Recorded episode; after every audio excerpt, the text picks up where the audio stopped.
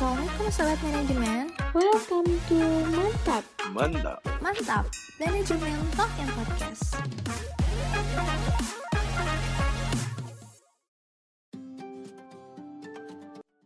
Halo, Assalamualaikum Sobat Manajemen. Bagi Mantap, Manajemen Talk and Podcast. Kenalin nih, aku Agnia. Kali ini eh, aku akan nemenin kalian dari awal sampai akhir. Dan tentunya aku nggak sendirian, di sini aku bareng partner aku Halo guys, di sini saya bersama Rafli Medika. Kali ini saya dan uh, Salsa Agni akan membantu kalian atau menemani kalian dari uh, awal sampai akhir berbincang-bincang mengenai uh, dunia perbankan itu seperti apa. Gimana nih, Ri, kabarnya? Udah lama ya? Ah, Iya nih, Alhamdulillah kabar dari Rafli baik. Gimana nih kabarnya dari Agnia? Alhamdulillah baik juga. Jadi Nah. ini kita mau ngobrolin tentang perbankan kan ya. Ngomong-ngomong nih, eh, bentar lagi kita kan lulus ya, udah semester 6. Iya. Raffi sendiri mau eh, ngelanjutin ke mana sih nantinya? Nah, kalau plan Rafli dari sekarang sih atau cita-cita Rafli ingin memiliki usaha gitu ya, ingin memiliki usaha, ingin eh, terjun di dunia industri itu gimana gitu. Nah, kalau dari Agnia sendiri udah lulus ingin jadi apa sih? Hmm, rencananya sih ya pengen bikin usaha sendiri gitu kan. Seru aja gitu kali ya.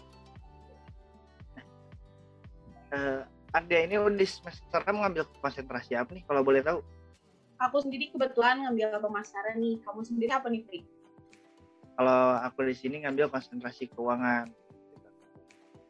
Nah, eh, sebelumnya Agnia ketika udah lulus di konsentrasi keuangan, eh di konsentrasi pemasaran, dari Agnia ingin langsung terjun ke mana sih? Bekerja di mana, ngelanjutin karirnya di mana, selain eh, memiliki bisnis gitu. Sampai sekarang sih jujur ya belum ke- kepikiran ya mau ke mana ke mananya. Cuman Oh, ya masih kepikiran itu sih pengen punya usaha sendiri nih. Kalau Raffi gimana?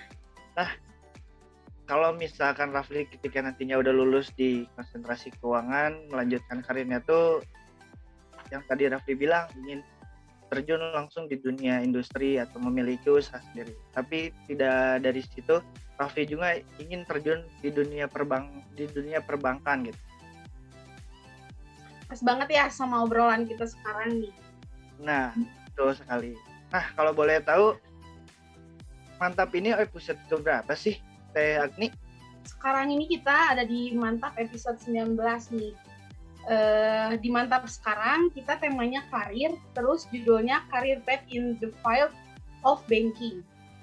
Wah, berarti kita tuh ngobrolin seputar eh, di dunia perbankan gitu ya. Iya betul banget nih Kang Raffi. Berarti di sini tuh di episode di episode 19 tuh tindak lanjutnya dari episode ke-14 gitu ya. Ya betul banget. Yang berjudul tentang eh, sudah lulus mau jadi apa. Betul gitu? Agni? Betul banget, Pri. Oh iya. Nah, ini teman-teman mahasiswa atau fresh graduate, fresh graduate yang ingin eh, melanjutkan karirnya di dunia perbankan bisa nih kita dengerin langsung tanya-tanya dengan narasumber kita yang sekarang. Nah, narasumber yang sekarang tuh ada siapa sih? Eh, Nah, nar- narasumber kita sekarang itu Parezi Muhammad Taufik Permana SEMKB. Kebetulan beliau sudah eh, berpengalaman nih, pernah berpengalaman di dunia perbankan Raffi. Di mana sih eh, lulusannya dari mana? Terus kok bisa sih kerja di perbankan dari kapan kayak gitu? Pak? Oke, oke, oke. Baik, mungkin mengawali dulu ya. Assalamualaikum warahmatullahi wabarakatuh.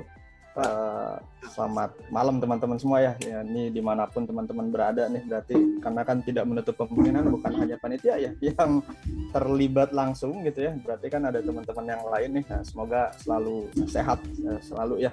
Ya. Eh, mengenai perbankan kan ini menarik ya. Eh, apa sempat dikontak Indri ya sebelumnya Ya. Pak bisa nggak untuk ngomongin terkait dengan bagaimana karir di perbankan gitu ya? Hmm, karir di perbankan menarik gitu ya, menarik bagi kita, Recording bagi stopped. eh, apa namanya bagi teman-teman yang eh, memang punya passion di sini. ngomongin soal passion nih agak cukup pelik gitu ya. Mungkin eh, apa namanya teman-teman apakah sudah menemukan passionnya atau belum? Nah ini kan mungkin bahasan yang berbeda kali ya, Fli ya. Selalu soal passion. Nah mungkin perbankan mungkin juga jadi passionnya ya karena ngelihat orang mentereng dan segala macam ya itu kan uh, looks like-nya seperti itu gitu ya Recording in orang progress. uh, apa melihat sosok uh, apa pekerja di per- uh, di perbankan ya memang uh, harus seperti itu sih yogianya memang harus seperti itu gitu ya.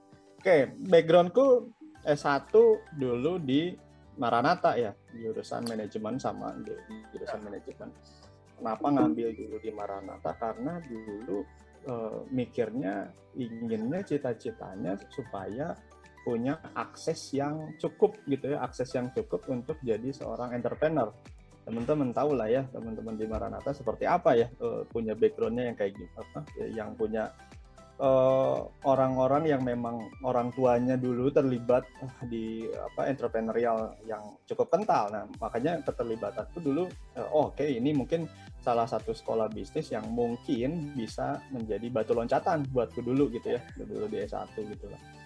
Nah, eh, di S1 dulu sebelum ke perbankan itu cukup cukup eh, apa namanya ya kalau mahasiswa biar apa seperti mahasiswa sedia sedianya gitu ya dulu lulus tiga setengah tahun ya sama lah ya mungkin nanti teman-teman juga ya, insya Allah akan lulus dengan tepat waktu gitu ya saya doain ya yang teman-teman eh, apa mau semester 6 atau sedang semester 6 sekarang atau sedang skripsi malah gitu ya itu mudah-mudahan cepat gitu ya dilancarkan ada alang melintang itu penting. Tiga setengah tahun dulu lucunya eh, sebelum masuk ke perbankan sebenarnya nggak pernah mau ingin masuk ke perbankan gitu. Karena dulu satu industri yang aku paling hindari dulu gitu ya eh, ketika di 2013 jadi dulu aku lulus 2013 ya itu eh, industri perbankan yang malah aku sebenarnya hindari dulu gitu ya. Eh, jadi itu menjadi option terakhir gitu loh. Karena eh, sebelum lulus jadi dulu setelah skripsi sebelum lulus itu jadi masih masih godok skripsi nih ya masih godok skripsi itu aku udah mulai listing teman-teman. Jadi aku udah mulai listing 100 perusahaan terbaik di Indonesia. Gitu loh. Jadi kita bisa mapping gitu ya kita bisa mapping eh, mana sih goals yang ingin kita tuju ketika eh, ingin masuk ke pekerjaan. Karena dulu kan tadi ya tujuan awalku tuh pengen menjadi entrepreneurial gitu ya. Eh, orang yang jadi seorang entrepreneurship nah tapi aku punya punya satu prinsip gitu ya bahwa eh, kalau ingin membangun sesuatu kalian harus terjun dulu menjadi seorang employee. Gitu loh. Jadi supaya kalian tahu rasanya gimana sih jadi bawahan gimana rasanya kalian disuruh-suruh kan gimana rasanya kalian bekerja dari 8 sampai jam 5 gitu ya. Terus digaji sesuai dengan ekspektasinya gajinya bosnya dan segala macam itu kalian akan tahu gitu loh. Nah belajar dari situ dulu karena nggak ada yang namanya sukses dadakan. No nggak ada yang namanya itu ya. Mana ada sukses dadakan nggak ada gitu ya. Hmm, si Ike aja itu kan nggak sukses dadakan kan ternyata gitu ya. Dia berproses kan benar nggak? Punya Lambo dan segala macam nah, dia juga berproses ya terlepas dari dia dapatnya kayak gimana tapi kan dia kan berproses kan sebenarnya. Nah makanya nggak ada yang dadakan kan. Nah, so balik lagi ya tadi eh, itu yang tujuanku ya. Jadi aku udah mulai screening pas skripsi itu udah tahu gitu ya bahwa oh oke gua mapping nih 100 perusahaan terbesar mana 100 perusahaan terbesar di Indonesia yang pengen gua tuju. Nah gua milih. Oh Ya. pertama industri otomotif gitu ya. Terus kedua industri migas. Ketiga eh, waktu itu industri eh, apa namanya batu bara gitu ya. Jadi aku pilih tiga yang lagi hype pada saat itu gitu ya. Enak- dan sampai sekarang mungkin masih masih juga gitu ya. Terus sambil coba apply. Jadi belum lulus gue beraniin apply gitu loh jadi sambil berproses itu sambil mencoba kenapa itu menguji CV kita layak nggak sih kita dipanggil benar nggak karena eh, apa satu hal yang paling uh, dicari oleh corporate itu gimana kepercayaan diri kalian untuk melampirkan CV kalian gitu atau untuk mengirimkan CV kalian. Se Sebagus apa sih CV kalian sudah dipersiapkan gitu.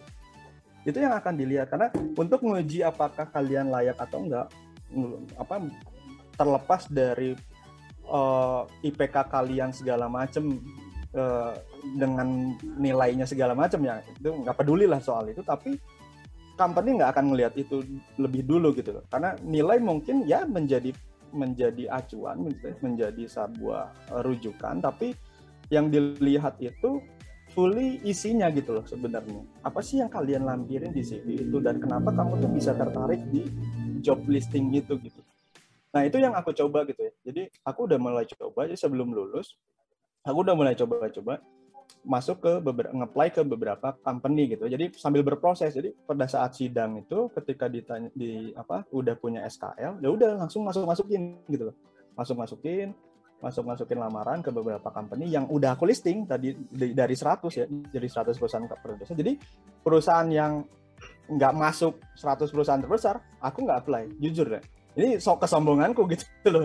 Ini bukan apa apa ya, tapi kita harus punya apa ya harus punya confidence yang tinggi gitu bahwa oh gua layak sih sebenarnya uh, bisa masuk di company itu gitu loh. Itu apa coba kalian belajar gimana cara menumbuhkan itu gitu loh. Ada confidence harus tinggi gitu ya.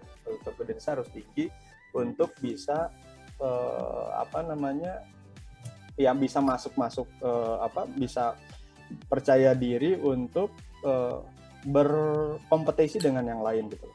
Nah, mulai dari situ uh, apa namanya coba ngeplay ngeplay gitu ya ke beberapa kampus. Dipanggil ternyata. Oh, dan dulu di supporting banget di kampus gitu ya bahwa ada job fair uh, lumayan besar, lumayan gede gitu ya. Jadi datangin company langsung uh, apa tes uh, di situ dan segala macam. Ya berproses satu aku nyoba di Unilever, aku nyoba di uh, Astra International, uh, terus nyoba di uh, apa namanya Vale International terus nyoba juga BPS Pertamina aku cobain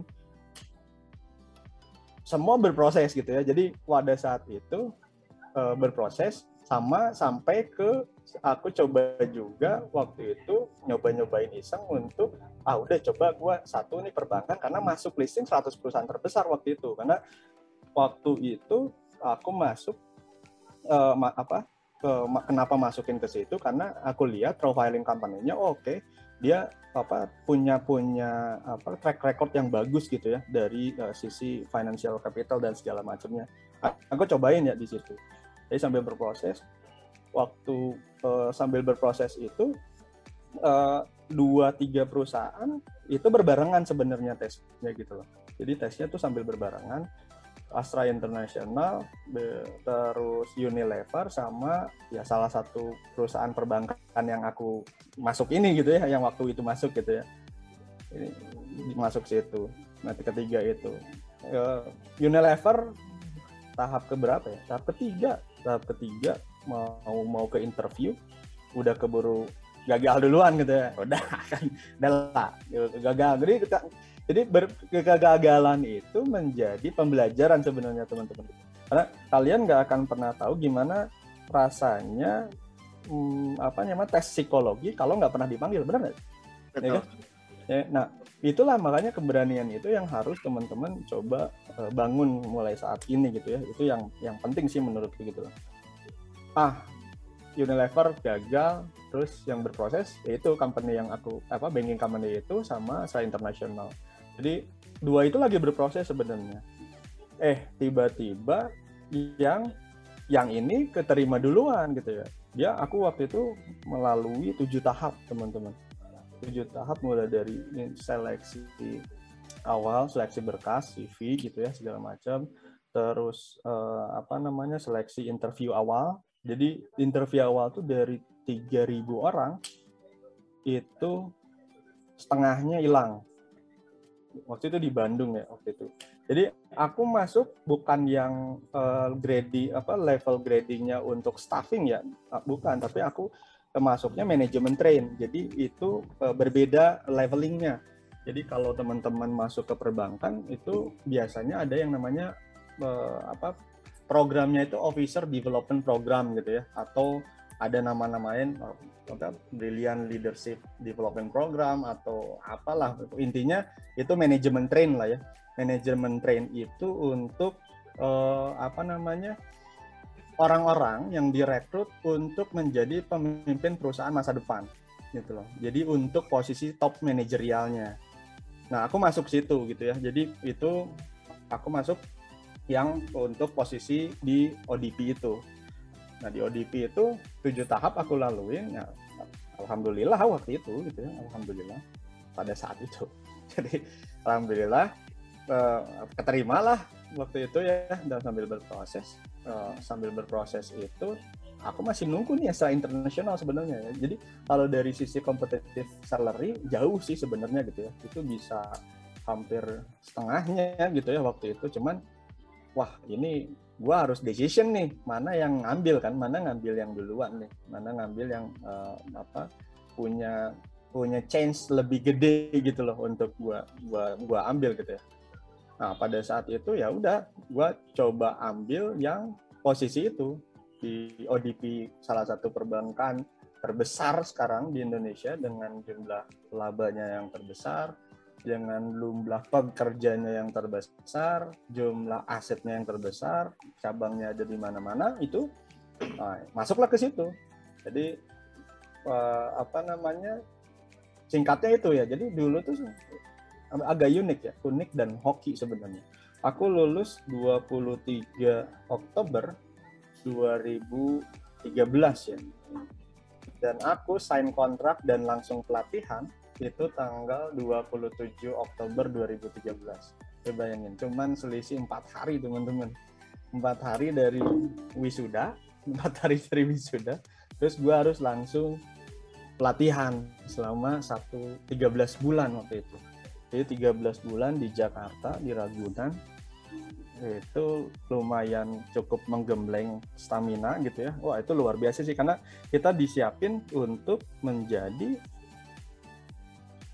pemimpin masa depan gitu ya. Pemimpin masa depan artinya ekspektasinya akan tinggi. Kita aku dulu bersaing dengan anak-anak Brawijaya, anak-anak UI, anak ITB, anak UGM gitu ya. Dan enggak enggak minder. Gue dari Maranatha pak, bu ya.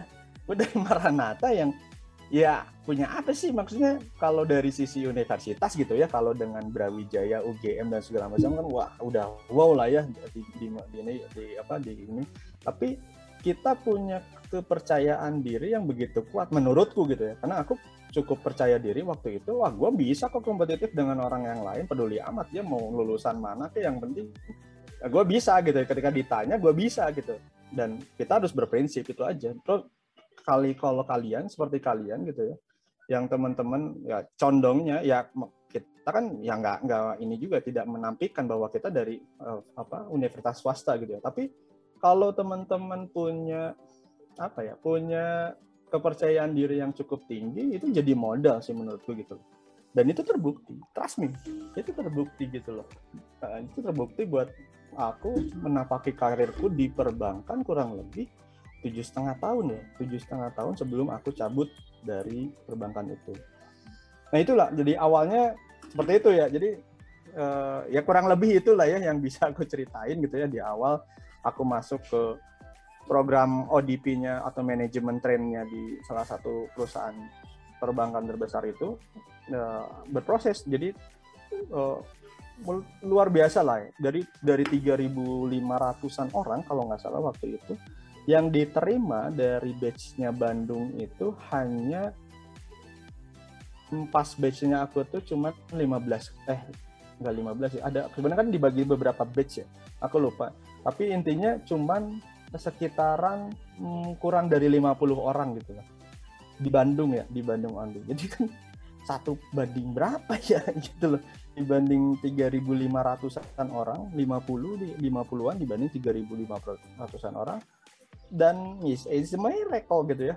Ya itu apa jadi hmm, ya jadi keberuntunganku pada saat itu gitu ya bahwa aku beruntung bisa berkesempatan bisa menapaki perjalanan pada saat itu yang banyak banget sih ilmu yang didapat ya di perbankan khususnya karena aku masuk bukan di sisi staffing ya, bukan untuk jadi uh, teller atau customer service, no gitu ya, bukan bukan untuk itu, tapi hmm, apa higher than it gitu ya, uh, lebih dari itu untuk uh, levelingnya langsung gradingnya naik naik uh, ke apa naiknya langsung berapa tingkat dibanding mereka? Ya? Empat tingkat dibanding mereka gitu. Jadi kita fresh graduate nggak tahu apa-apa gitu ya, lulus gembleng 13 bulan, tiba-tiba langsung masuk ke cabang dulu di cabang dulu karena aku nggak kebagian dulu di kantor pusat ya sebelum ke kantor pusat cabang tuh langsung selevel uh, apa asisten manajer operasional dulu di cabang jadi cabang tuh punya punya struktur organisasi kepala cabang di bawahnya tuh asisten manajer operasional. Jadi aku langsung setingkat asisten manajer operasional. Yang anak baru kemarin gitu ya. Gue nggak tahu apa-apa langsung langsung di setingkat seperti itu. Kurang lebih itu. Ya untuk ya awalan yang cukup panjang gitu untuk setidaknya ya hmm, apa awal-awal menapaki karirku seperti itulah di uh, perbankan dulu. Sebelum uh, berproses waktu uh, ya sampai ke tujuh tahun. Gitu mungkin eh, balik lagi apa tadi kan uh, sempat disinggung juga nih uh, bapak bilang katanya uh, ngeranking 100 perusahaan boleh ya. boleh nggak sih pak kita minta tips and trick buat gimana sih bapak ngeranking 100 perusahaan itu dari kriteria dari dilihat dari apa gitu kriteria kriteria Oke, okay, okay. menarik nih pertanyaan saya. Uh, apa? Kenapa pertanyaannya mungkin gini dulu ya. Kenapa harus meranking 100 perusahaan terbaik gitu ya? Dulu ya, dulu, dulu aku ya. Jadi yeah. jawab apa yang jawabanku dulu kenapa harus seperti itu? Karena gua harus bisa kompetitif dibanding yang lain. Gitu loh. Jadi gua pengen punya punya apa namanya? punya salary punya eh, penghidupan gitu ya, punya taraf hidup yang dan belajar dari orang-orang yang memang kompetitif gitu loh. Makanya ngambil dari 100 perusahaan terbaik di Indonesia. Nah, 100 perusahaan terbaik Indonesia sebenarnya segampang lihat di Forbes gitu loh. Lihat di Forbes gitu ya, di Forbes Indonesia kan akan kelihat tuh 100 uh, eh, atau uh, eh, 500 atau uh, Fortunes-nya Indonesia lah ya kan kalau 500 Fortunes kan di di dunia gitu ya. Nah, kalau mau coba lihat fortune di Indonesia siapa aja itu akan bisa kelihatan dari mulai dari market capitalnya gitu ya atau mungkin dari labanya atau dari hmm, apa namanya share-nya nanti bisa banyak parameternya sebenarnya.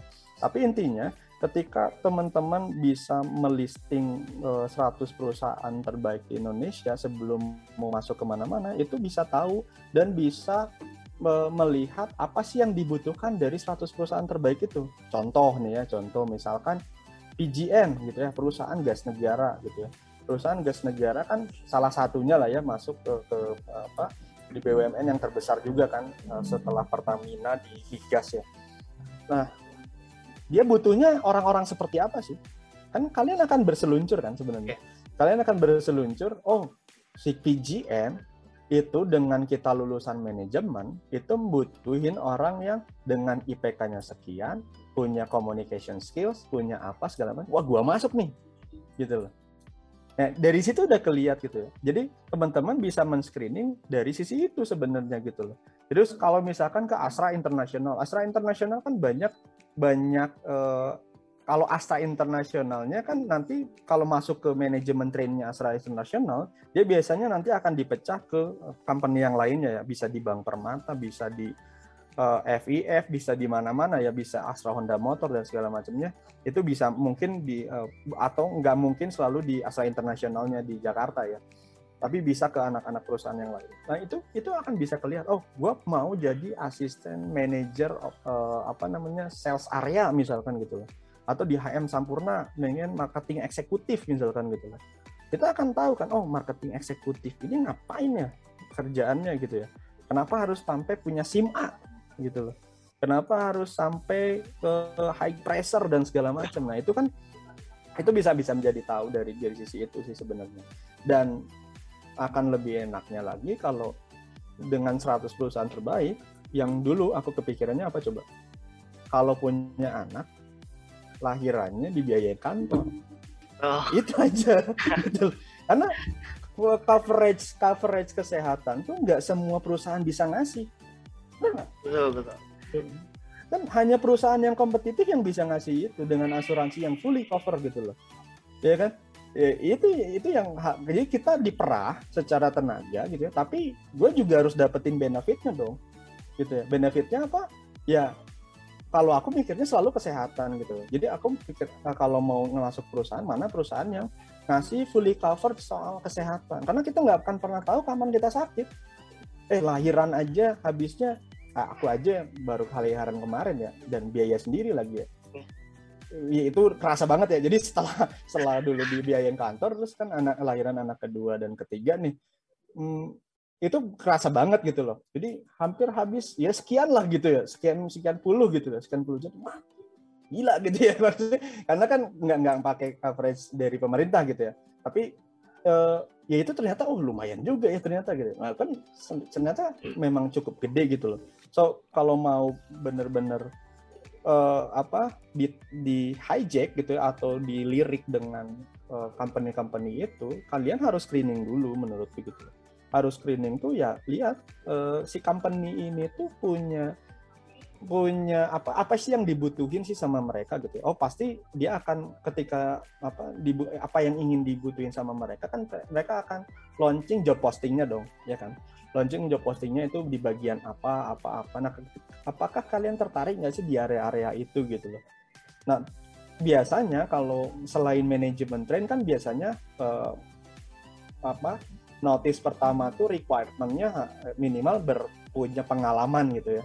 Ya kan? Nah nah biasanya nih biasanya nih ya biasanya teman-teman mahasiswa fresh graduate itu nggak berani untuk untuk take apply di situ padahal gitu ya itu change sebenarnya gitu loh. Itu tuh kesempatan.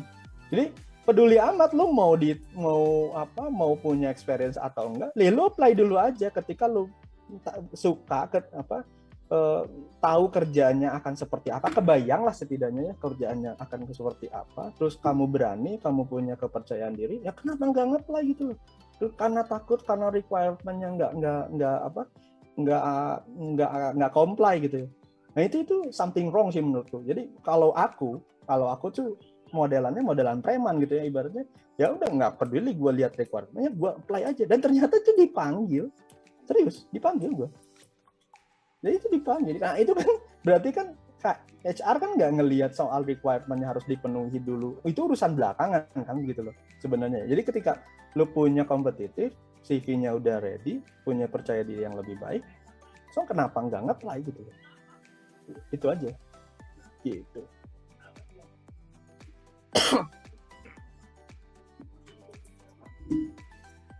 Gitu berarti dengan tadi list dari 100 perusahaan yang bapak pilih terus dan akhirnya bapak diterima di dunia perbankan.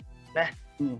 ini kan teman-teman teman-teman di di forum di forum hmm, YouTube juga penasaran gitu di sini Hmm. eh, ada apa sih ada ada berapa posisi sih di dunia perbankan Ya. ini kan Oke. kita tahunya juga dengan pasti ke- ketika kita ke bank berhubungan dengan customer service atau teller Nah. Biasa. di perbankan ini ada berapa posisi sih pak Ya, oke.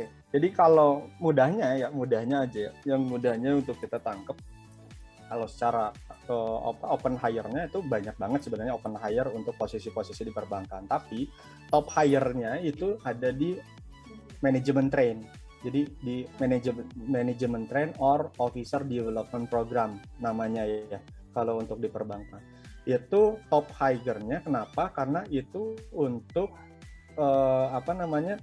Merekrut talenta-talenta terbaik gitu ya, talenta-talenta terbaik untuk menempati posisi-posisi manajerial nantinya. Posisi manajerial itu minimal nanti ketika udah selesai ODP-nya, train ODP-nya, kan namanya manajemen train ya. Jadi kalian itu direkrut selama satu tahun itu sebagai trainer. Tra- trainer, sorry, trainer ya, bukan trainer melatih ya, trainer.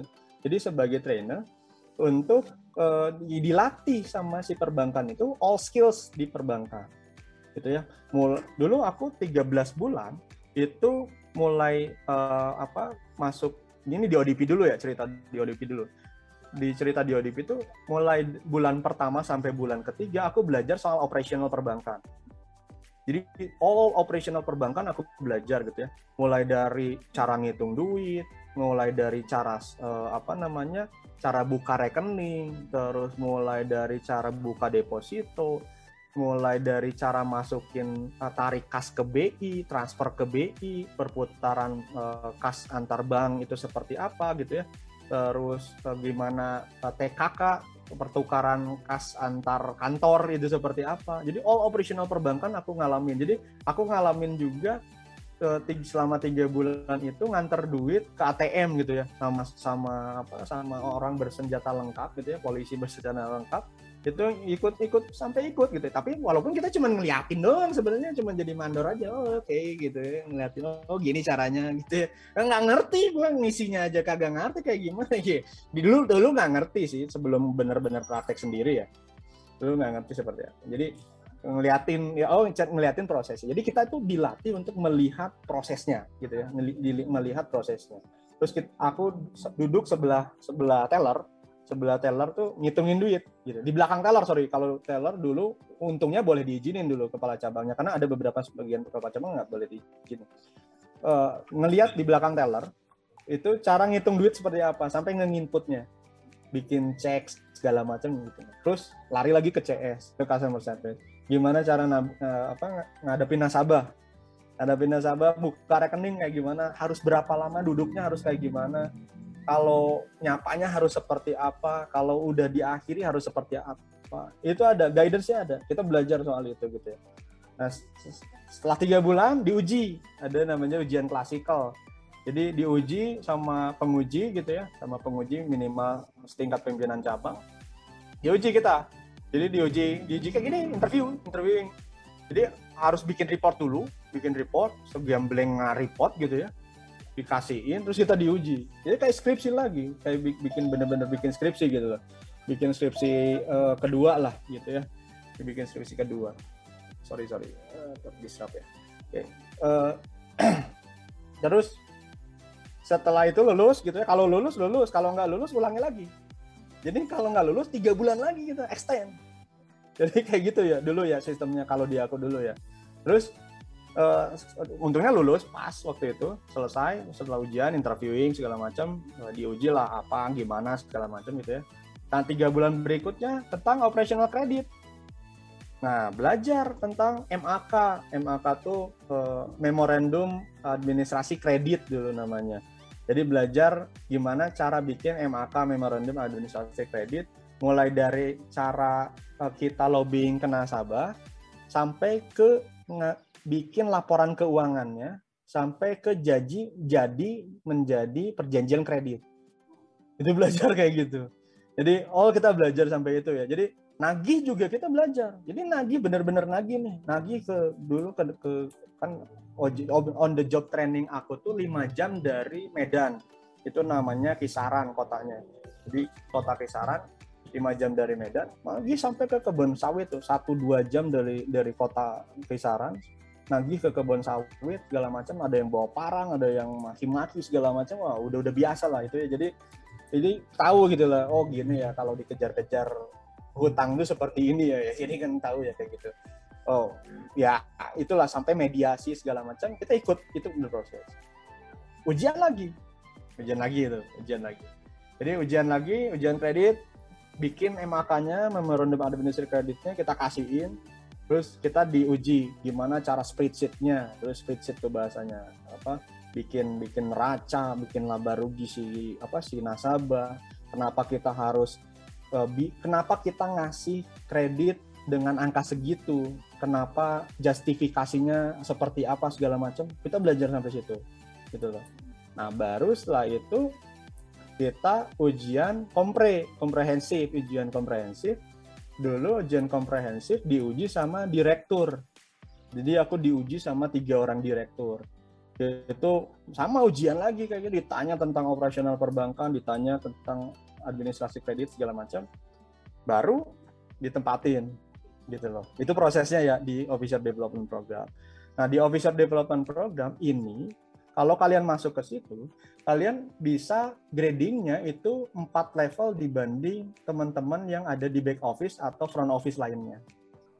Jadi kalian udah setingkat asisten manager sebenarnya, gitu loh.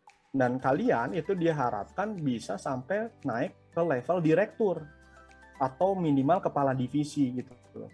Jadi kalau secara struktur tuh kan yang paling diperbankan dulu di tempatku tuh dulu direktur, kepala divisi, wakil kepala divisi, terus uh, apa ada kepala bagian, wakil kepala bagian gitu ya. Terus ada kalau di luar itu ada kepala cabang, kepala cabang uh, kepala kantor cabang pembantu sampai ke asisten manajer. Itu manajerial ya. Pola manajerialnya seperti itu. Jadi nah diharapkan minimal sampai ke kepala divisi nanti sampai kalian pensiun gitu loh. Jadi levelingnya tuh aku udah tahu. Jadi kapan aku harus meraih grading. Dulu kan aku tuh kan kalau grading itu sama kayak pangkatan kita ya. Pangkat kita tuh ada kalau kalau tentara mah letnan kapten kayak gitu-gitu ya. Nah kalau kita tuh aku tuh dulu udah setingkat uh, inilah setingkat keluaran akabri ibaratnya gitu loh. Udah setingkat keluaran akabri udah letu gitu ya udah udah langsung letu jadi kalau mau ke jenderal itu kan udah tahu kan, oh dari letu harus ke mana dulu, ke letda, ke kapten gitu ya, terus ke ko, apa ke apa ya apalah sampai jenderal gitu loh. Jadi udah tahu kan, levelingnya tuh udah tahu. Kita udah tahu levelingnya seperti apa. Nah posisinya kalau di ODP itu bisa di mana aja. Bisa di mana aja tuh artinya bisa di kantor pusat, kantor pusat tuh kan banyak divisinya ya teman-teman. Jadi itu tuh managerial position semua uh, kalau kalau di kantor pusat ya kebanyakan ya. Jadi kalau di kantor pusat kebanyakan uh, managerial position semua. Atau di di kantor cabang. Nah, di kantor cabang itu kalian bisa jadi uh, asisten manager minimal. Jadi, baik asisten manager operasional atau asisten manager pemasaran. Jadi kalian berurusan soal kredit. Nah, selain ODP itu ada juga yang uh, apa namanya jalurnya yang front office gitu ya untuk customer service atau untuk uh, apa namanya teller. Nah ini base-nya kontrak beda pekerja. Jadi ada dua dua golongan jabat, uh, dua dua apa ya, uh, dua apa namanya? Aku jadi lupa ya. Dua uh, status pekerja gitu loh eh tiga gedang sorry tiga. Tiga status pekerja dulu. Pekerja tetap gitu ya. Itu organik pekerja kontrak jadi berdasarkan kontrak waktu tertentu dan pekerja outsourcing gitu loh. Jadi ada tiga leveling itu. Ada outsourcing itu berarti perusahaan yang lain gitu. Udah tahu lah ya perusahaan outsourcing seperti apa gitu lah udah apa lah. Nah kalau jalur lain itu ada jalur yang masuk ke tellers atau sampai ke CS level jabatannya ya cuma sampai situ jadi kalian hanya dikontrak berdasarkan waktu tertentu. Jadi kalau dikontrak misalkan di teller kalau nggak salah cuma maksimum tuh lima tahun ya kalau aku nggak salah ya. Jadi maksimum tuh lima tahun bisa pindah-pindah antara teller ke CS, CS ke teller gitu loh. Dan nggak bisa nih ke mana-mana lagi. Stop sampai situ. Gitu loh. Kecu, uh, kecuali nanti ada opening job job opening nantinya di di internal di internalnya. Nah, selain itu juga eh, kalian bisa masuk ke jalur yang pemasaran. Jadi RM kalau sekarang bahasanya, relationship manager atau kalau dulu tuh account officer namanya. Jadi kalau dulu eh, tergantung ya. Jadi levelnya account officer eh, retail atau account officer mikro. Nah, itu itu untuk area pemasaran. Dan juga area pemasaran yang lain ada yang namanya funding officer. Funding officer bedanya apa? Relationship manager sama funding officer itu kalau RM itu fokusnya ke nyari kredit. Gimana nyari nasabah-nasabah kredit. Kalau funding officer itu gimana caranya nyari nasabah yang pengen nabung. Jadi kalian harus nyari orang-orang yang pengen nabung ke bank itu. Itu funding officer. Nah tapi sekarang eh, fungsinya sih dibagi ya. Jadi ada beberapa company yang fungsinya sekarang karena beda-beda company-nya ya. Jadi kalau company-nya berbeda, me mekanismenya juga berbeda. Tapi pada intinya itu ya. Jadi ada kalau mau masuk ke operational bisa masuk sebagai teller CS di di entry uh, entry level gitu ya di, di di level di paling bawah atau masuk ke RM atau ke masuk ke area marketing. Jadi saya ke relationship manager atau funding officer. Jadi itu yang bisa dimasukin di perbankan. Kayak gitu sih dulu ya pengalamanku yang masih keinget aja. Be- beda-beda sih ya masalahnya.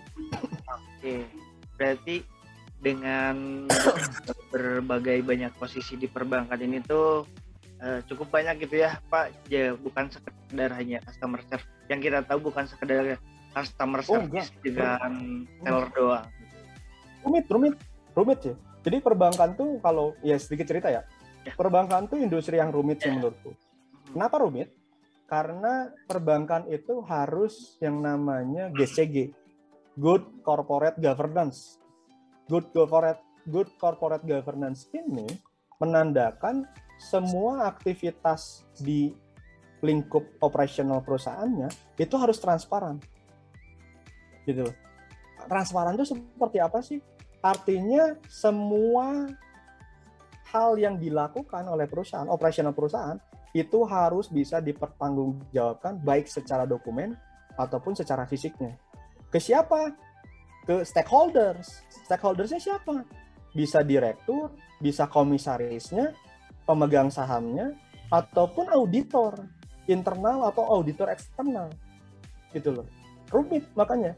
Jadi kalau gini deh, jadi kalau ngomongin bank tuh nggak sekedar hanya apa ya nggak sekedar hanya eh, terima duit atau ngeluarin duit gitu ya. Jadi kan kalau kita ngelihat di yang awam kan seperti itu ya. Tapi sebenarnya kalau udah masuk ke kantor pusat ternyata bisnisnya tuh bukan hanya itu gitu loh. Ternyata ada money bisnis juga. Money bisnis tuh kalian ada ada ya satu namanya divisi treasury. Divisi treasury itu yang melakukan eh, apa namanya transfer pricing gitu loh. Istilahnya transfer pricing itu me- apa melakukan fungsi perbankan yang sesungguhnya gitu. Kenapa? Karena dia yang punya mekanisme bagaimana mentransfer dari or- dari cabang yang kelebihan dana ke cabang yang kekurangan dana. Kan kalau perbankan kan gitu ya. Ya. Bener kan? Kalau siklusnya perbankan kan di mana kan perbankan kan sebagai lembaga intermediary, bener nggak? Nah, Raffi ini orang keuangan nih, ya kan? Sebagai lembaga intermediary ya. Lembaga intermediary itu un- untuk eh, apa bisa menstabilkan antara surplus eh, surplus de, apa surplus nasabah sama minus nasabah gitu ya. Artinya surplus nasabahnya siap. Nasabah-nasabah yang punya duit disalurkan ke nasabah-nasabah yang butuh kredit atau yang kekurangan duit, bener kan? Nah, sa- nah di situ kan, di situ eh, apa letak fungsi perbankan seyogianya gitu ya. Seyogianya seperti itu. Nah, di di treasury itu menurutku itu lebih challenging lagi sebenarnya. Jadi kalau kalau kalian tuh harus punya analytical thinking yang benar-benar eh, apa benar-benar bagus gitu ya. Karena eh, kayak kayak bermain apa ya? Kayak bermain binomo ibaratnya mah. Eh, ini jadi ini jadi nyinggung itu ya. Jadi kayak bermain itu tapi versi bener-bener duit gitu loh. Versi bener-bener duit yang secara digital sebenarnya. Itu, di, di divisi treasury. Jadi di kantor pusat juga ada yang divisi IT-nya, divisi marketing communication-nya, divisi akuntansinya segala itu oh, banyak banget sih sebenarnya. Jadi jangan hanya ngelihat eh, karir perbankan tuh, kalian hanya ngelihat gua udah keren jadi teller atau CS. Jadi something wrong with you gitu loh. Menurutku gitu ya. Karena eh, higher than it harusnya gitu loh. Kamu harus harus punya punya motivation yang lebih sebenarnya kalau kalau mau mm, eh, apa masuk ke situ karena di perbankan tuh banyak banget posisi yang eh, bisa dikejar. Kalau kamu suka PR, public relation, Ya. ya kenapa nggak kamu kejar jad, apa di di apa di kantor pusat untuk masuk ke PR-nya? Gitu loh. Ada kok itu, itu jobnya gitu loh. Jobnya tuh aja. Gitu. Gitu. Benar. Nah, kalau boleh tahu nih Pak, eh, dulu Bapak di perbankan ini tuh menduduki posisi di mana sih Pak? Apakah awal masuk ke dunia perbankan Bapak dari awal masuk hingga hingga akhirnya Bapak memutuskan jadi dosen itu di posisi yang sama? Apakah berbeda gitu Pak? Enggak. Karena aku masuk di Officer Development Program atau Management Train, setiap dua tahun sekali pasti pindah posisi. selalu. Karena kita di sebagai penerus penerus tahta apa penerus tahta eh, kepemimpinan gitu ya nggak boleh lebih dari dua tahun ada di satu posisi di posisi tertentu ya jadi tapi ada juga yang eh, lebih dari 15 tahun di 20 tahun karena posisinya posisi spesialis tapi kita diciptakan untuk menjadi seorang generalis. Harus serba bisa. Jadi kita harus di, diciptakan harus serba bisa, bisa ditempatkan di A, B, C. Jadi dulu pada saat awal pertama aku lulus itu ditempatin di cabang Pasir Pengarayan namanya. Di 4 5 jam, 4 5 jam dari Pekanbaru. 4 5 jam dari Pekanbaru. Di Pasir Pengarayan, kota kecil kalau nggak di Bandung atau di Jawa mah nggak akan lah ada kota yang sekecil itu ya menurutku ya. Nggak nggak nggak akan nemu lah kota-kota sekecil ini. Kalau kalian yang nggak pernah adventurean waduh wadah. Nangis lah kalau kalau kalau di gaji nggak seberapa gitu ya. Terus pulang juga susah segala macam. Nah, tapi itu yang menjadi menjadi apa menjadi tantangan sendiri sih untuk itu ya. Uh, posisiku dulu langsung jadi asisten uh, kepala cabang. Jadi langsung jadi asisten kepala cabang aku manage uh, apa? Aku memanage operational uh, harian dan juga aku menjadi uh, apa namanya uh, corporate planningnya tingkat cabang gitu. Jadi aku me, me, apa namanya memetakan uh, peta strategi cabang tuh harus seperti apa sih? Oh bulan depan gimana cara kita mau laba kita harus eksekusi apa kita harus uh, apa namanya be, apa harus digedein kredit kecilin kecilin apa tabungan atau segala macam gitu. Itu itu yang harus uh, apa yang aku aku lakuin selama kurang lebih cuman satu tahun. Satu tahun waktu itu pindah ke kantor wilayah. Di kantor wilayah Pekanbaru. Ke kantor wilayah Pekanbaru uh, masuk ke corporate strategi. Corporate strategi level regional di kantor wilayah. Jadi pimpinanku langsung ke pimpinan wilayah. Jadi ngelewatin kabak nih, kepala bagian dulu. Nah, ngelewatin kepala bagian, jadi langsung ke pemimpin wilayah. Pemimpin wilayah itu setingkat kepala divisi ya, setingkat kepala divisi kalau di apa di wilayah. Jadi langsung eh, ada ya apa beririsan dengan strategi. Jadi aku menganalisa, menganalisa uh, soal uh, apa uh, soal BPS gitu ya, analisa data BPS, analisa data BI, analisa data geographical, analisa neraca uh, apa neraca neraca cabang-cabang. Aku waktu itu memuadahi berapa ya? 24 cabang gitu ya di Pekanbaru itu kalau nggak salah. Nah, itu apa, menganalis menganalisis lah jadi analis lah analis analis uh, strategi gitu loh baru di situ dua tahun pindah ke kantor pusat nah, pindah ke kantor pusat jadi tiga kali nih tiga kali setelah melewati mana manajemen train ya. Ke kantor pusat masuk ke divisi uh, service and contact center. Jadi divisi layanan dan contact center lah ya divisi layanan contact center. Uh, un, apa masuk jadi analis uh, contact center. Jadi menganalisis komplain nasabah. Kenapa nasabah itu komplain? Terus harus di gimana ini nasabah ini? Harus dibuatin aplikasi harus dibuatin produk baru, harus dimatiin aplikasinya atau seperti apa? Itu yang kita lakukan analisa. Jadi kerjanya kayak gitu doang. Kayak gitu doang, tapi lumayan sih ya waktu itu di, di itu di, di kantor pusat itu ya dari analis kontak center pertama. Terus setahun berjalan pindah posisi tapi di divisi yang sama. Pindah posisi di divisi yang sama, beda bagian. Itu jadi uh, apa namanya customer resolution center. Jadi aku itu menganalis dan uh, apa namanya memutuskan. Jadi aku memutuskan untuk mengapproval apakah kerugian nasabah itu dibayarin atau enggak. Jadi kalau misalkan uh, salsa nelfon nih tarik tunai gagal, kan nelfon nih pasti ke kontak center kan uh, tarik tunai gue gagal nih ke debit nih. Gimana ganti nih bang ganti nih duit gue gitu ya. Nah aku yang mutusin. Itu tuh diganti atau enggak? Bener nggak sih salsa ini komplainnya? Itu datanya ada real datanya. Jadi data, data transaction ATM data eh, apa namanya tarikan kartunya, aktivitas kartunya, terus real time data CCTV segala macam kita cek.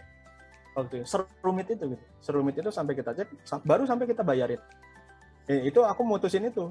Jadi ada tim analisnya di bawah. Jadi dulu aku mensupervisi berapa orang ya? Hampir 50 orang di bawahku.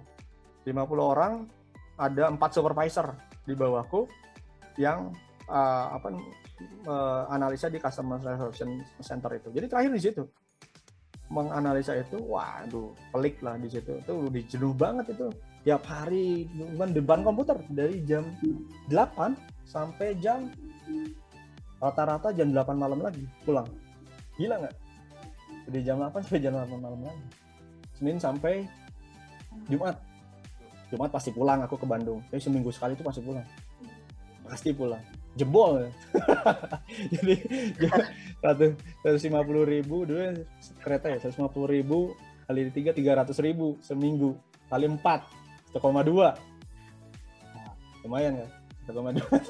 Ongkos doang ongkos doang nah tapi itulah usaha yang harus dibayar ya untuk kalau ya harus membalanskan ya. Tadi balik lagi ya semua pekerjaan pun kalau kita nikmati ya enak aja gitu ya sebenarnya ya. Tapi eh, balik lagi your purpose apa? Kamu harus punya tujuan balik lagi gitu ya. Jadi kalau kamu nggak punya purpose ya kamu akan seyogianya akan menjadi dan seterusnya akan menjadi ibaratnya quote unquote kalau anak sekarang ngomongnya budak korporat gitu ya karena kenapa karena nggak punya tujuan? Ngapain sih? Gitu jadi harus benar ya benar kayak apa influencer influencer TikTok ngomongin work life balance gitu ya. Ya benar sih sebenarnya. Work life balance itu benar. Jadi kamu harus menyeimbangkan antara kerjaan dengan kehidupan sosialmu. Atau kamu nanti udah berkeluarga kamu harus bisa menyeimbangkan itu. Karena rata aku nggak tahu ya tapi itu nggak ngomongin juga orang bank ya tapi rata di perbankan waktunya memang akan habis di kerjaan ya. Dan hmm, ada hal yang dikorbankan yang lain. Ya keluarga. So your your purpose di mana? Tinggal tinggal seperti itu aja sebenarnya. Jadi kalau nggak ada yang namanya nggak mengorbankan sesuatu Hmm, bullshit nggak ada. Nggak apa nggak mengorbankan sesuatu. Pasti semua ada pengorbanan Rafli dapetin salsa aja butuh pengorbanan bener nggak? Ya. iya iya maksudnya kalau mau gitu ya kan kalau mau kan butuh pengorbanan bener ya kan salsa juga nggak mau nerima kalau nggak butuh pengorbanan Ya kan? gitu loh. Gitu. Nah dari dari posisi bapak yang tadi nih pak eh, suka duka eh, di posisi yang bapak sempat eh, duduki di perbankan itu eh, apa sih pak? Terus posisi apa sih yang paling berkesan di benak bapak sampai sekarang gitu pak? Oh sih, yang paling berkesan sih dulu waktu di ini ya, waktu di wilayah sih. Kenapa? Karena dulu aku langsung eh, apa namanya bersentuhan dengan kantor cabang dan juga kantor pusat. Jadi aku ada di tengah-tengah. Jadi supervisi kantor pusat itu seperti apa? Kita yang screening dulu, baru kita bisa deliver ke kantor cabang. Karena kantor cabang tuh nggak bisa nerima kebijakan yang mentah-mentah. Nah, semua ada di tengah-tengah. Kita ada di tengah-tengah nih. Nah, kita mikir gitu ya. Jadi ada kebijakan misalkan eh, provisi naik sekian persen misalkan ya untuk kredit retail misalkan ya, untuk kredit retail. Oke. Nah, di apa di situ kita punya pengatur strategi nih oh, oke kita mau implementasiin ini harus seperti apa nih ke kantor cabang? Harus ngomongnya tuh seperti apa? Karena bahas kalau dulu ya dulu pas zaman di kantor tuh bahasanya kantor pusat tuh bahasa langitan. Karena orang-orangnya strategikal semua. Nggak mikirin gimana di bawah tuh seperti apa nggak tahu gitu loh. Jadi mereka tuh mikirnya ya mikir yang penting ideal aja tapi kita nggak akan pernah tahu di bawah itu seperti apa. Nah inilah eh, enaknya organisasi gitu ya. Jadi kita ngelihat organisasi itu pas pas aku masuk ke kantor pusat gitu, wah bener ternyata gitu. Kantor pusat itu cuman apa? Cuman memikirkan kebijakan yang itu dimau oleh kantor pusat aja. Tapi ada baiknya sebenarnya gitu loh. Ada side positifnya, tapi secara implementasi susah diimplementasiin di bawah. Orang di bawah itu di, di level kantor cabang ataupun sampai ke level kantor terkecil gitu ya itu tuh susah nerimanya. Karena culture-nya berbeda-beda. Orang kantor pusat itu di apa di digemblengnya diterimanya yang orang ODP semua dong ya kan? Officer development program semua.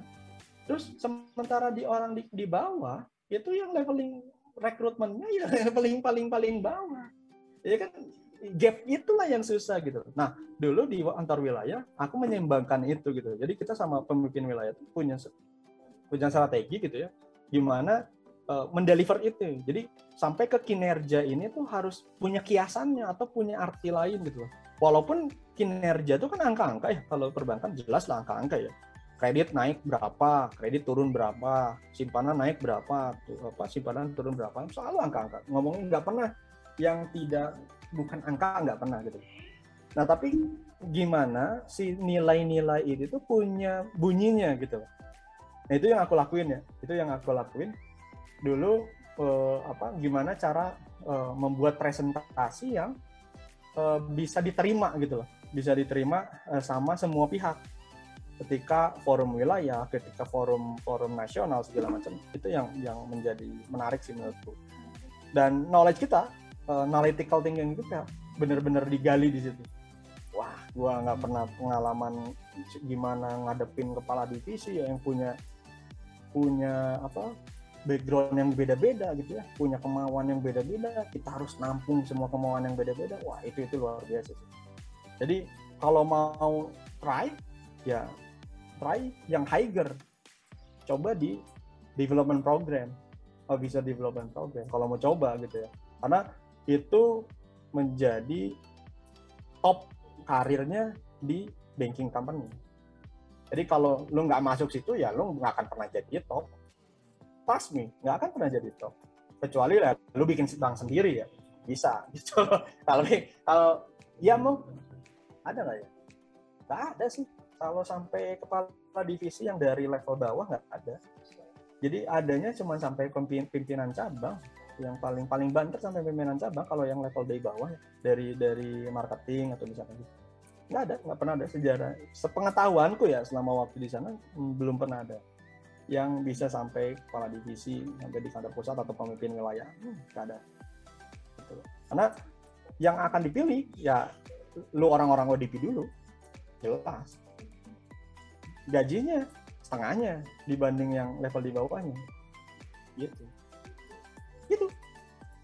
nah pak uh, untuk fresh graduate sendiri kalau mau ngelamar di perbankan posisi apa sih pak yang paling banyak terbuka untuk uh, fresh graduate Hmm, kalau dari banking dari banking company-nya sendiri, yang perputarannya paling cepat ya sebenarnya ada di ada di front office sih ya sama marketing. Kenapa? Karena di front office kan tadi dia eh, sistemnya kontrak base-nya. Base-nya kan kontrak kan. Nah, kalau di eh, kontrak kan ya lu cuman cuman di kontrak sampai lima tahun selesai. Berarti setelah lima tahun ya kamu harus cabut nggak boleh. Atau kamu harus ikut job posting yang lain atau harus ikut uh, apa rekrutmen di tetap di perusahaan itu tapi dengan posisi yang lain. Tapi kamu harus kompetisi lagi di situ. Ya kan? Hmm, kalau di marketing kebanyakan yang nggak kuat karena target. Gitu. Karena target target kredit misalkan gitu ya. Eh, RM ini yang di RM yang di RM uh, target kreditnya cukup lumayan gila sih menurutku gitu ya. Karena lu harus punya target uh, udah mah target rupiah target nasabah belum target yang lain-lain. Dan kalau udah punya historical nasabah sebelumnya ya itu harus di maintain. Kalau ada nasabah nunggak ada nasabah apa ya itu yang harus di maintain jadi kamu harus putar otak di situ gitu bagaimana memaintain nasabah lama cari nasabah baru. itu di situ, challengingnya di situ. Jadi biasanya kalau sorry ya, kalau gendernya perempuan agak kurang di situ, karena eh, kebanyakan nggak nggak cukup strength lah gitu ya dengan kondisi itu gitu loh. Tapi banyak juga ada juga yang bisa apa stabil bertahan gitu ya di di posisi itu. Tapi di saya ingatku di beberapa wilayah dulu yang eh, apa ya di, di di cabang lah ya di sampling di cabang-cabang.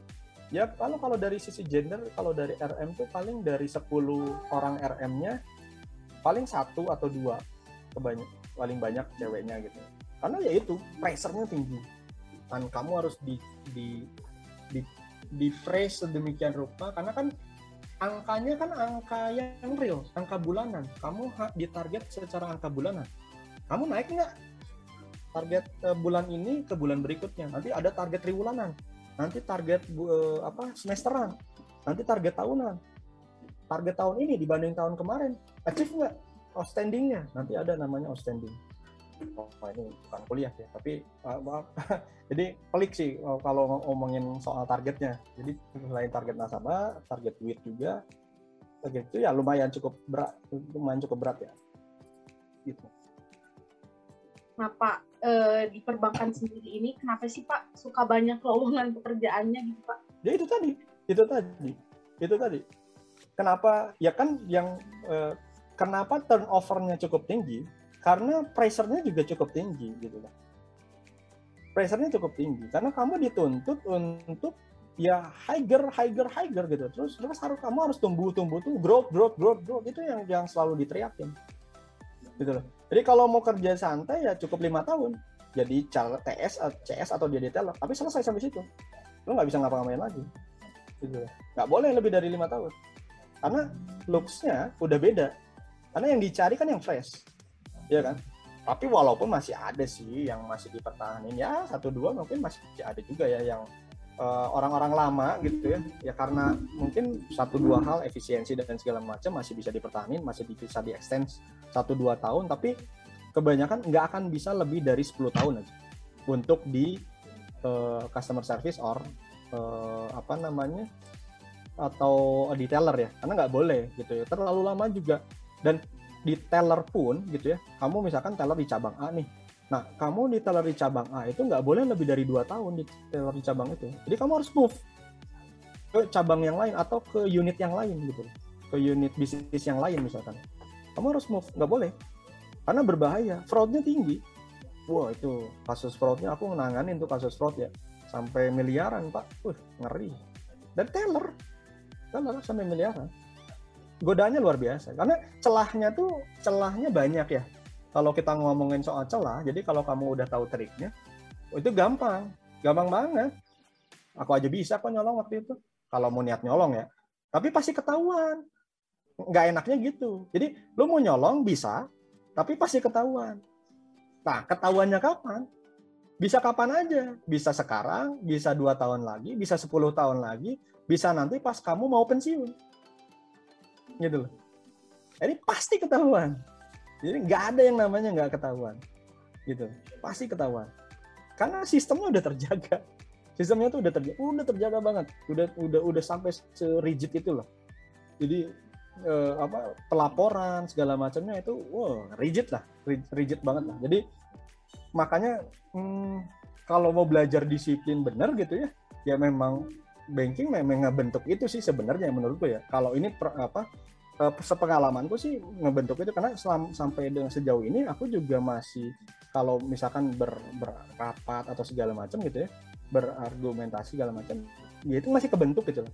Jadi kalau mau ngomongin sesuatu itu harus terstruktur. Kita mau ngomongin apa nih? Oh, oke ngomongin ini. Oke go- goalsnya hari ini apa? Jadi jangan ada rapat dalam rapat gitu nggak boleh ada rapat dalam rapat jadi atau rapat rapat monyet namanya. Jadi rapat hari ini rapat besok rapat lagi ngomongin hal yang sama. Nggak bisa kayak gitu. Jadi itu nggak boleh lagi rapat rapat rapat kayak gitu. Gitu. Oke gitu gitu sih paling Ber- berarti dengan eh, lowongan pekerjaan yang sangat banyak dan eh, dari pressure-pressure itu tuh eh, mungkin ada nggak sih Pak tips and trick buat para mahasiswa atau fresh gra- graduate yang ingin terjun di dunia perbankan gitu. Contohnya kayak Rafli sendiri gitu. Ketika nantinya Rafli lulus, eh, apa sih tips and trick yang harus Rafli siapin buat nanti terjun di dunia perbankan ini gitu Pak? tipsnya senengin pekerjaannya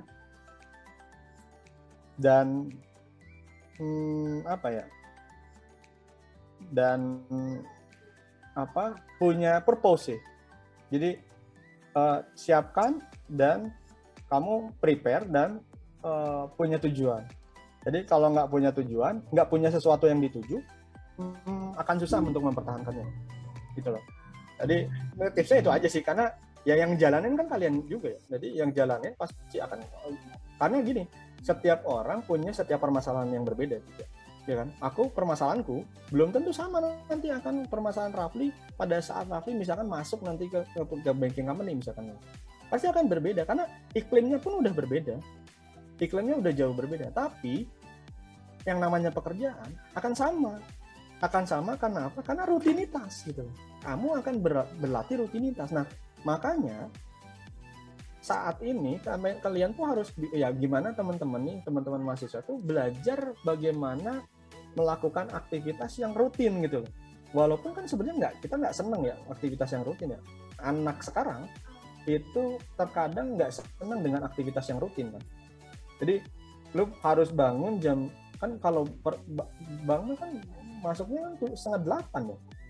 7.30 loh yang nggak kayak Unis pasti 6.30 ya tapi lebih lebih lebih fleksibel lah 7.30 ya 7.30 7.30 sampai jam 17.00 kalau jam 17 kebanyakan lewat.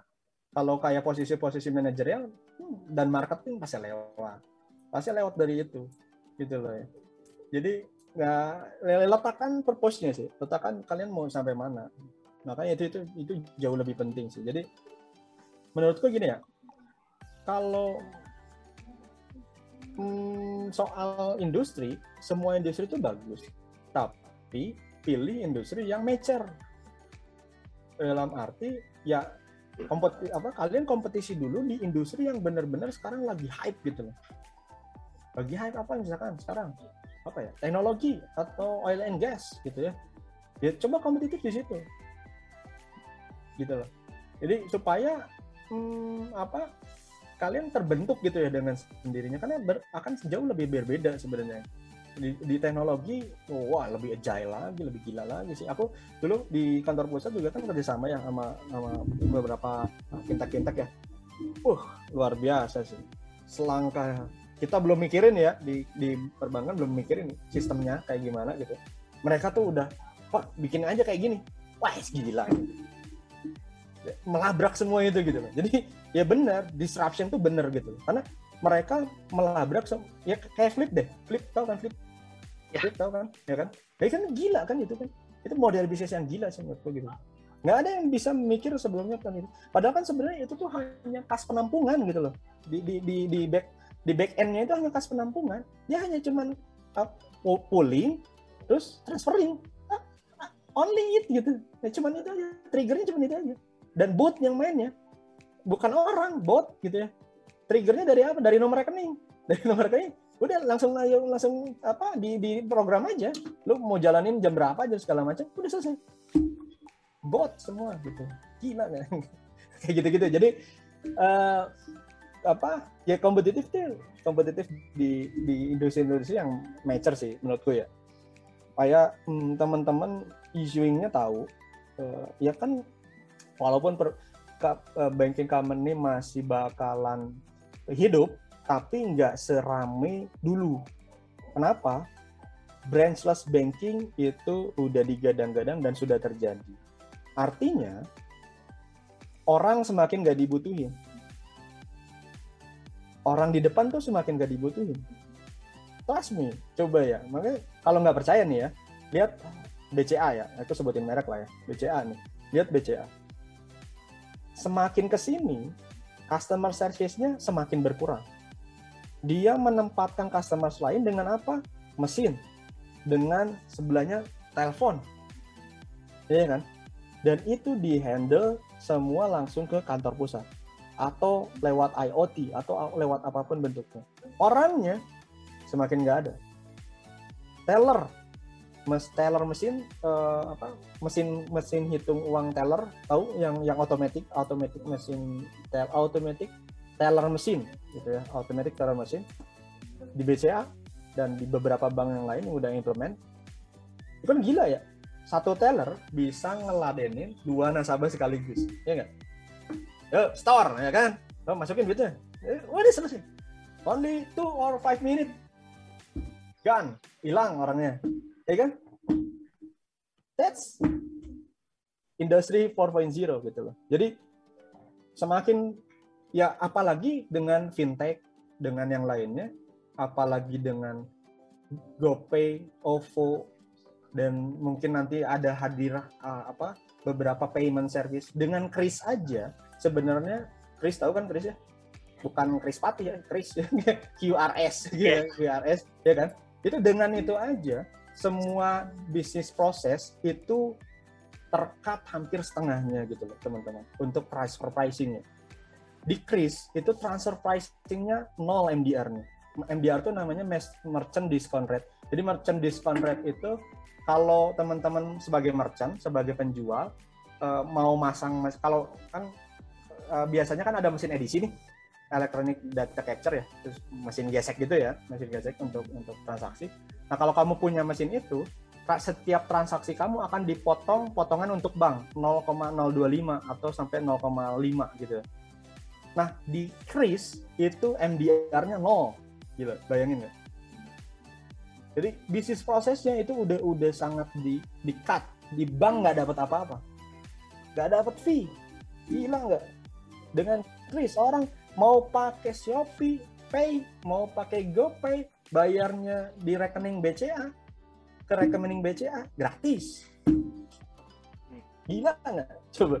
Jadi kita mau nempatin duit, aku aja, aku aja sekarang. Aku punya Shopee Pay punya, terus apa namanya, OVO punya, terus uh, apa lagi ya, payment gateway ya, uh, apa? Bank Jago punya, Blue Blue Digital punya, semua yang berbau digital aku ikutin gitu ya. Dan genius aku punya gitu ya. Aku manfaatin apa? Fee transactionnya. Gratis transaksinya ya nggak? Ya kita nggak mau rugi dong. Bener nggak? Kan, kan, kan pasti nggak mau rugi. Orang semakin nggak mau semakin nggak mau rugi gitu kan. Dengan dengan fee transactionnya so bisnis prosesnya udah udah udah sangat ini dan makanya itu jadi your apa ya cita-cita kalian tuh harus selangkah lebih maju gitu.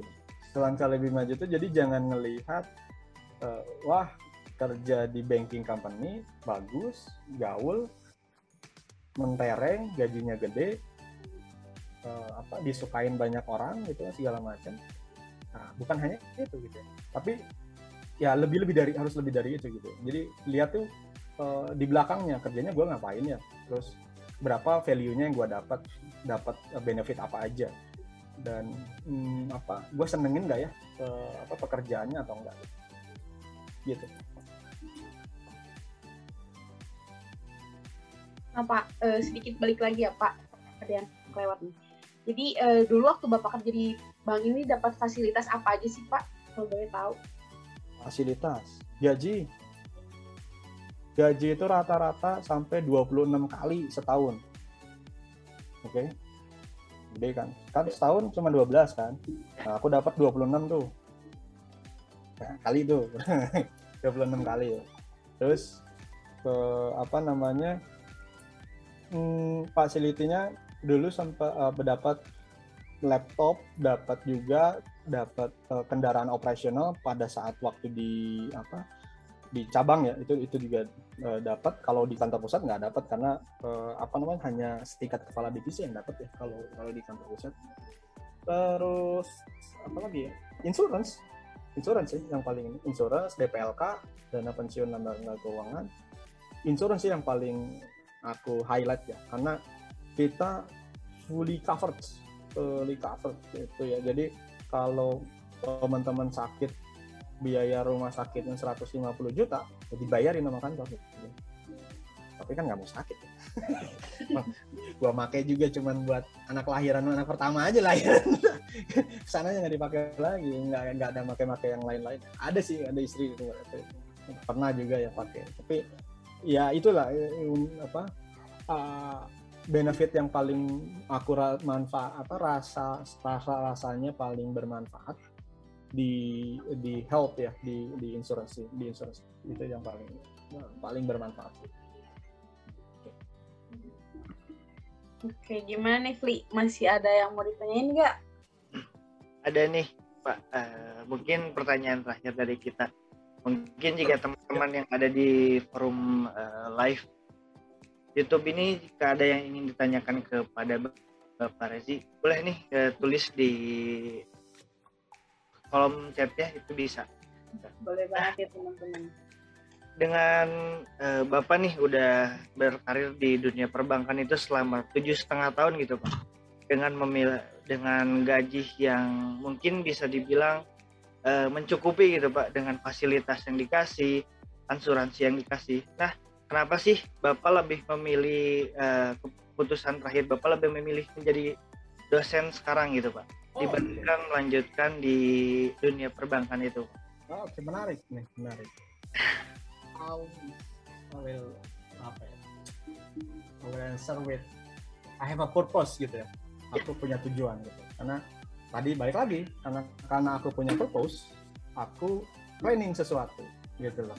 Jadi kan tadi awalnya cerita awal kan aku bilangnya bahwa awalnya sih sebenarnya aku pengennya jadi apa eh, belajar bekerja itu untuk belajar. Bekerja untuk belajar gitu ya. belajar apa? Belajar leadership belajar eh, apa namanya mentality belajar ownership ke, ke kepunyaan kita bagaimana sih kita di lingkup organisasi gitu ya seperti apa belajar juga gimana eh, kita menjadi seorang bawahan gitu ya nah niatku itu di awal makanya itu yang punya niatku awal gitu ya jadi selama itu aku punya planning bahwa di titik tertentu gue harus sekolah dulu gitu. Jadi pas pada saat aku sekolah tuh, pada saat aku juga masih kerja sebenarnya gitu.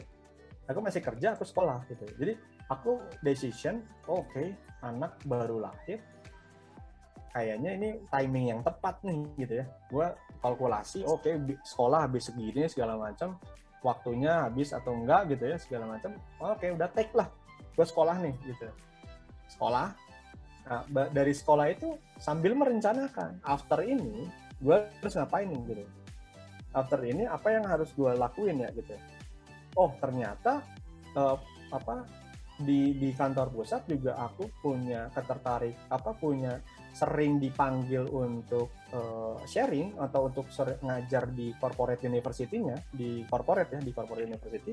Aku sering di eh, apa untuk ngajar ngajar eh, teman-teman teller ngajar teman-teman eh, customer service gitu ya. Itu punya ketertarikan oh ternyata enak juga nih ya Eh, apa eh, sharing seperti ini kita punya sesuatu terus kita sharing kita delivering segala macam ada ada ada ha- hal yang lain yang di apa yang mm, punya makna yang lain gitu ya dari sisi itu. Nah, dari situlah eh, mun- muncul keinginan wah gimana ya kalau gua trial gua stop di sini lanjutin di karir educational di educational gitu ya eh, untuk apa fokus untuk di educational jadi ini industri yang jauh berbeda ya industri yang jauh berbeda di banking sama di educational gitu ya ini eh, jelas jauh berbeda banget sih apa secara Hmm, secara operasional, secara segala macam itu jauh berbeda. Kita punya kemandirian di sini harus punya harus punya independensi dan segala macam itu yang kita apa punya kebebasan di sini. Nah itu yang aku coba trial gitu ya. Aku coba trial untuk decision. Oke, aku eh, stop di sini gitu ya. Udah cukup. Udah tahu bagaimana rasanya di posisi A B C D dengan eh, salary A B C D gitu ya udah sampai ngerasain sempet sekian dan segala macamnya gitu. Nah ini waktunya nih, ini ini timingnya gitu ya untuk beralih ke purpose yang lain gitu, ya. atau beralih ke uh, getting the, the apa uh, bener menjadi fokus utamanya di tujuanku yang dulu tuh seperti apa gitu. Jadi aku aku masuk ke situ lagi gitu. so itulah yang aku putuskan terlebih soal keluarga soal prinsip gitu ya ya mungkin teman-teman tahu lah ya seperti apa gitu ya nah aku nggak mau singgung di sini tapi uh, apa namanya ya itu menjadikan keputusan yang uh, apa uh, pribadi ya kan ranahnya pribadi aku nggak bisa uh, apa meng apa ya mentidakkan ke seseorang gitu eh tidak oh atau eh mengiyakan juga nggak kan gitu loh ya jadi all decision ada di kalian kan gitu ya. Nah, kalian makanya aku bilang kan kalian harus punya purpose gitu kan. Jadi kalau di sini ngomonginnya ya bukan hanya di BK ini sebenarnya tapi all of your career ya harus punya purpose gitu loh. Nah, makanya di sini aku punya purpose gitu loh. Jadi di purpose tuh dalam beberapa tahun ke depan aku udah punya tujuan harus ngapain gitu ya. Nah, after it, nah aku nggak tahu gitu ya. Jadi mungkin dalam perjalanan waktu akan juga berubah gitu ya. Apakah seperti apa segala macam juga aku belum tahu. Tapi ya jelas jalanin walaupun dengan kondisi yang jauh berbeda gitu ya. Secara finansial jelas ya mungkin teman-teman tahu lah ya apa eh, apa bagaimana eh, revenue apa penerimaan pendidik gitu ya di Indonesia seperti apa kan sama-sama tahu lah ya seperti apa dibanding dengan beberapa industri yang berbeda tapi itu pilihan kembali itu pilihan itu untuk dijawab. Ya paling yang bisa aku jawab. Yeah, sangat menarik nih pembahasan kali ini. Ya bahagia ya. Gimana? Udah ada gambaran sih Insya Allah ada Nah Pak, sebagai penutup ya karena melihat waktu juga ya, uh, ada nggak sih wejangan untuk uh, kita teman-teman yang uh, baru lulus ya. gitu, untuk okay. menghadapi dunia pekerjaan? Oke. Okay. Kalau wejangan, janganlah. Aku juga belum cukup tua untuk memberi wejangan ya. Tapi lebih ke suggest lah ya, bagaimana yeah. menyarankan gitu ya, atau hmm, setidaknya apa ya, membasa-basikan lah ya, membasa-basikan. Karena aku juga bukan guru dari segala guru gitu ya kalian yang menjalaninya. Hmm, ketika menapaki karir pertama kali yang harus kalian tetapkan itu yang pertama kalian pengen ngapain gitu. Kembali gitu purpose-nya dulu tujuannya dulu. Kalian harus meletakkan tujuan kalian mau ngapain.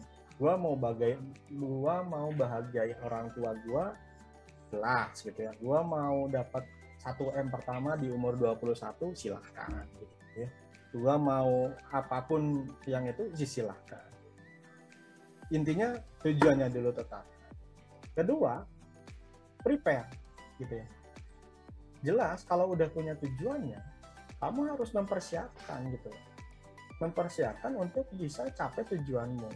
Jadi kalau kamu nggak siapin, contoh nih, gue pengen bekerja di uh, oil and gas bisa atau di Pertamina misalkan. Gue pengen nih banget nih kerja di Pertamina gitu ya kerja di Pertamina. Gimana caranya gue harus pengen kerja di Pertamina? Nah pertanyaanku apa yang udah disiapin dirimu untuk masuk ke Pertamina? Gitu ya CV-mu udah cukup menarik atau belum? IP kamu udah cukup bagus atau enggak? Looks-mu udah cukup baik atau enggak? Wawasanmu seperti apa? Hmm, apa bagaimana teknologi uh, apa skillsmu seperti apa gitu loh. Itu penting gitu ya. Makanya semua hal harus dipersiapin gitu. Jadi kalau ini, kebanyakan fresh graduate. Sorry ya so sorry ya. Kebanyakan fresh graduate tuh nggak bisa soal Excel. Padahal di dunia pekerjaan lu akan dihadapin soal bagaimana lu bikin report lewat Excel gitu. As simple as that itu berbahaya loh. Serius berbahaya itu. Jadi kalau kamu nggak tahu cara ngesama ngesumin cara nge-average cara nge-hyperlink cara nge hmm, apa namanya nge-add uh, replace cara bikin histogram dan segala macam di Excel nggak bisa jika sudah selesai lah. Memang itu, itu itu skills pertama yang setidaknya kalian harus dapat. Karena all eh, Exceling walaupun sekarang punya support bantuan yang lain tapi tetap Excel itu masih masih masih important sih menurutku ya. Itu masih masih menjadi yang pertama masih penting untuk kita uh, pelajari gitu Terus presentation skills juga jelas penting dan communication skills itu jelas. Jadi berlatihlah soal ngomong di depan cermin gitu. Artinya kalau mau interviewingnya bagus, kalau ditanya kamu mau gaji berapa, jadi nggak langsung jawab, gua mau gaji 10 juta, nggak kayak gitu. Tapi ya kamu bisa bertutur kata sampai kamu menuju ke angka tertentu gitu. Ya, banyak lah tipsnya di TikTok lah nggak perlu aku apa sampaikan ya. Tapi kebanyakan kan hmm, hanya kiasan ya. Tapi itu akan bisa dimulai dengan praktek gitu. Itu akan bisa dimulai dengan latihan gitu. Makanya kalau yang apa dengan skillsnya yang pas-pasan, ya lo upgrade dong. Gak mungkin dong lo nggak upgrade gitu loh. Ya, kamu bisa belajar di YouTube, kamu bisa belajar di Coursera, kamu bisa belajar di My Academy atau U Academy dan segala macamnya banyak hal kamu bisa pelajari. Itu nggak ada waktu telat menurutku ya untuk saat ini. Dan paling penting skills yang kedua yang harus kamu siapin juga soal bagaimana teman-teman ini kalau mau masuk ke teknologi company teknologi company teman-teman belajar juga soal coding and design gitu ya coding and design ini jelas uh, harus menjadi skills inti gitu di dunia saat ini ya. Itu itu hmm, jangan ya semua orang harus punya skills itu lah ya setidaknya lah setidaknya harus punya skills itu. Setidaknya hmm, apa desain bagus presentation skills juga bagus. Jadi kalau presentation skills yang masih buruk-buruk di apa di kelas-kelas gitu ya masih presentasi disuruh presentasi yang ditampilin itu bukan kan namanya PowerPoint ya tapi yang ditampilin malah word point gitu jadi wordnya semua ditempelin ke situ nah ini kan something wrong with you gitu ya. Jadi kamu harus bisa bagaimana Recording bisa delivery delivery sesuatu itu dengan baik gitu. Mungkin itu Brik ya eh, sama Rafli bisa aku sampaikan Oke, berarti ini tuh uh, eh, apa sama iya salah satu Berarti ini tuh tetap self development ya Pak. Uh, karena yep. uh, ketika kita pengen di perbankan ya. Terus karena lihat dari beberapa cerita, beberapa contoh yang Bapak sebutin juga tenaga uh, kerja manusia udah mulai diganti, apalagi sekarang uh, fintech yang sudah makin banyak gitu ya Pak. Uh, makasih banget ya Pak untuk ilmunya sangat menarik gitu ya. Uh, ada yang mau ditanya lagi nggak, Fli? Udah sih. Terima kasih banyak gitu Pak udah memberikan uh, masukan buat gambaran buat nantinya Rafli melanjutkan ya. karir Rafli gitu ya. setelahnya. Ya. Sama-sama. Terima kasih banyak udah diundang. Hmm, kesempatan yang baik ya apa kesempatan yang baik lah ya menurutku bagiku. Uh, apa namanya walaupun banyak hal mungkin ya kalau yang jeleknya buang aja gitu ya nggak perlu didengerin atau ada yang bagusnya ya silakan hmm, apa ditimbang-timbang tapi jangan diterima juga karena ber berbahaya kalau kamu terima karena kalau kamu terima berarti kamu nggak mikir gitu loh serius yeah. ya jadi sesuatu jadi kalau kamu dapat motivation gitu ya terus kamu telan mentah-mentah ya, berarti kamu nggak mikir gitu Iya, itu something wrong gitu juga gitu. Oke. ya, gitu deh. Oke, okay, thank you banget ya teman-teman ya. ya makasih banyak ya Pak. Apalagi ya. uh, sobat manajemen yang sebentar lagi ada jadi fresh graduate, pastinya apa yang disampaikan sama Pak Rezi ini udah uh, sangat bermanfaat ya untuk membuka wawasan tentang karir kita apalagi di dunia perbankan gitu ya. Terima kasih Pak. Oke, okay, thank you. Ya, aku pamit ya. Makasih banyak uh, Agni, Rafli, Indri udah diundang dan teman-teman di belakang nih ada Isan mungkin ya Agil juga ada nggak? Tuh ada teman-teman ya. Iman yang lainnya. Oh, ya, terima kasih banyak. Oke, sampai ketemu dan sehat-sehat selalu ya. Oke. Okay. yuk salam. Assalamualaikum. Terima kasih pak. ya terima banyak pak. Ya oke. Okay. Ya sobat manajemen semua, nggak kerasa ini kita udah ada di penghujung acara. Makasih buat sobat manajemen semua yang sudah dengerin uh, podcast kita dari awal sampai akhir nggak lupa kita juga mau ngucapin makasih buat siapa nih Nah, kita juga ingin mengucapkan terima kasih buat Pojok Sharing yang telah mensupport kegiatan kita yaitu Mantap Manajemen Talk and Podcast dari awal hingga akhir. Nah, kali jangan lupa nih follow juga Instagram Pojok Sharing yaitu pojok.sharing. Sobat manajemen semua, jangan lupa dengerin mantap episode selanjutnya. Aku Salsa Agnia dan partner aku. Aku Rafli Medika. Kami berdua pamit undur diri. Wassalamualaikum Wassalamualaikum warahmatullahi wabarakatuh. Sampai jumpa lagi. Bye bye. See you guys.